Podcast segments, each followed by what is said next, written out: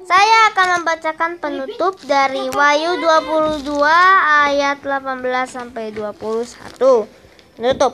Aku bersaksi kepada setiap orang yang mendengar perkataan-perkataan nubuat dari kitab ini.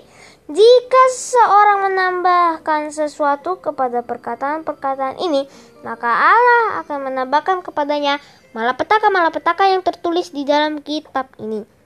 Dan jikalau seorang mengurangkan sesuatu dari perkataan-perkataan dari kitab nubuat ini, maka Allah akan mengambil bagiannya dari pohon kehidupan dan dari kota kudus seperti yang tertulis dalam Alkitab.